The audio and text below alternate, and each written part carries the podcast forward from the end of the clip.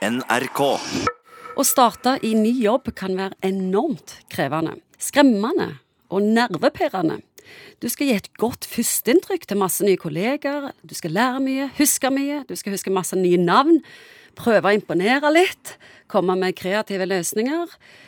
Psykolog Egon Hagen, de fleste av oss har vært der. Du òg. Det er sant. og Jeg pleier å si det at når du skal komme i en eh, ny jobb, enten det er som vanlig fotsoldat eller som leder, så skal du ankomme i jobben, så skal du eh, kanskje overleve i jobben, og så kanskje på sikt skal du greie å trives. Og Det er liksom noen sånne faser egentlig som du skal gjennom. Hva skjer med oss når vi starter i ny jobb?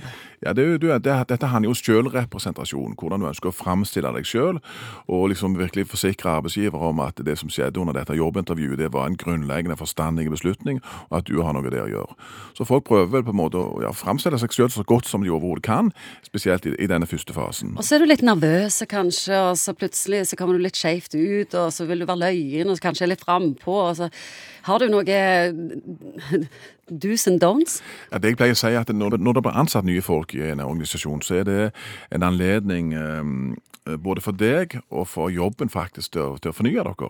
For du representerer sånn sett et friskt eh, pust fra utsida, og jobben kan sånn sett få inspirasjon kanskje til litt, litt fornyelse. Så du kan legge av deg dårlige uvaner og ting som du kanskje ikke var fornøyd med deg sjøl, og så starte med helt blanke ark, og så være en ny, bedre person? Ja, det er hva det mafiaen sier. Everybody needs new start now and then. Og så brenner de ned huset ditt. Og det er kanskje litt sånn når jeg begynner i ny jobb òg, at du har får anledning til å reforhandle hvordan du framstår. Litt, kanskje basert litt på tilbakemeldinger som du har fått tidligere. Sånn at du OK, jeg skal ikke gjøre akkurat de samme feilene som jeg kanskje har gjort før.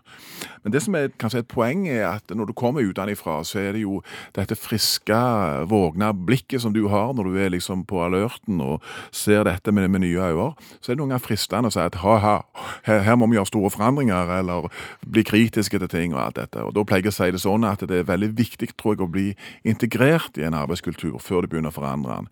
Det er vanskelig å komme fra utsida, for da går bare miljøet klakk i forsvar, og da, da skjer ingenting. Og så blir du stående på utsida og mase om ting som burde vært gjort annerledes. Så bli integrert først, før du bør ønske forsiktig kanskje å, å komme med de tingene som det du har. Ikke prøv for mye på en gang. Nei, ta det litt rolig, bruk litt tid. Men svært mange blir jo overlatt til PC-en sin første uke. Ja, det er vel egentlig blitt eh, det er jo PC-en vi jobber med, så er det noen kolleger som går og sviver på noen nabokontorer. Det er faktisk blitt sånn. Men, men det, er jo noen, er jo noen møter, og det er noen lunsjer og alt dette, som er arenaer hvor du på en måte kan knytte kontakter. For det viser seg jo at eh, i, i Norge så er jo vi ikke så formelle, sånn at for mange så er òg eh, arbeidskollegaer viktig faktisk omgangskrets òg utenfor jobben. Så det på en måte knekke denne koden i forhold til å bli venner med folk, det er ganske smart. Det er ikke bare arbeidstakere som lytter på oss, det er arbeidsgivere òg. De har vel et stort, stort ansvar når det kommer en ny sjel inn i ja. Ja, Dette kunne Kollegiet. sagt, ja, sagt mye om, Ingvild, men det, det som kanskje er noe av det aller viktigste, det er at eh, noen ganger er det en mentalitet om at ok, du har fått jobben, og da må du vite at du er flink. Så det er vi ferdige med det. Og selv kunnskapsmedarbeidere som er høyt utdannet, og som har lykkes på skole og gode referanser, de har behov for å bli sett. De har behov for bekreftelse, og det, i den grad ledelsen skal gjøre noe i forhold til dette, så er det på en måte kanskje å være klar over det.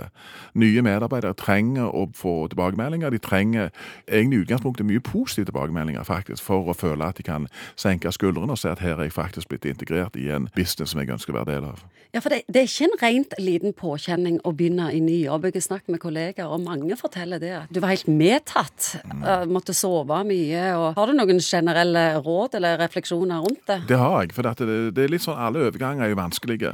Og nå er det sånn at jeg, jeg er litt sånn litt i denne morfaralderen, så det er mange rundt meg som får unger, eksempel, og de har jo tenkt at dette skal være grella kjekt. Det er vanvittig kjekt, samtidig som det er på en måte også en liten krise nesten. Og sånn tror jeg også det kan være i forhold til ny jobb, at det er både vanvittig kjekt at du har fått mulighetene, samtidig som du bruker mye effort og energi på liksom å knekke denne sosiale og faglige nøkkelen som du skal gjøre i den nye jobben. For det kan være annerledes enn det du kom fra før. Så aksepter at det her, det koster litt. Grann. Alle overganger koster. Ha det pent, sov mye. mye. Ja, sånn, ta det rolig, og så sørg for å få hvilt deg, og så erkjenn at selv om du er trøtt nå i starten og føler at dette er krevende, så, så vil du knekke koden her òg etter hvert kunne gjøre litt ting mer på sånn autopilot, sånn som oss eh, vi gjør.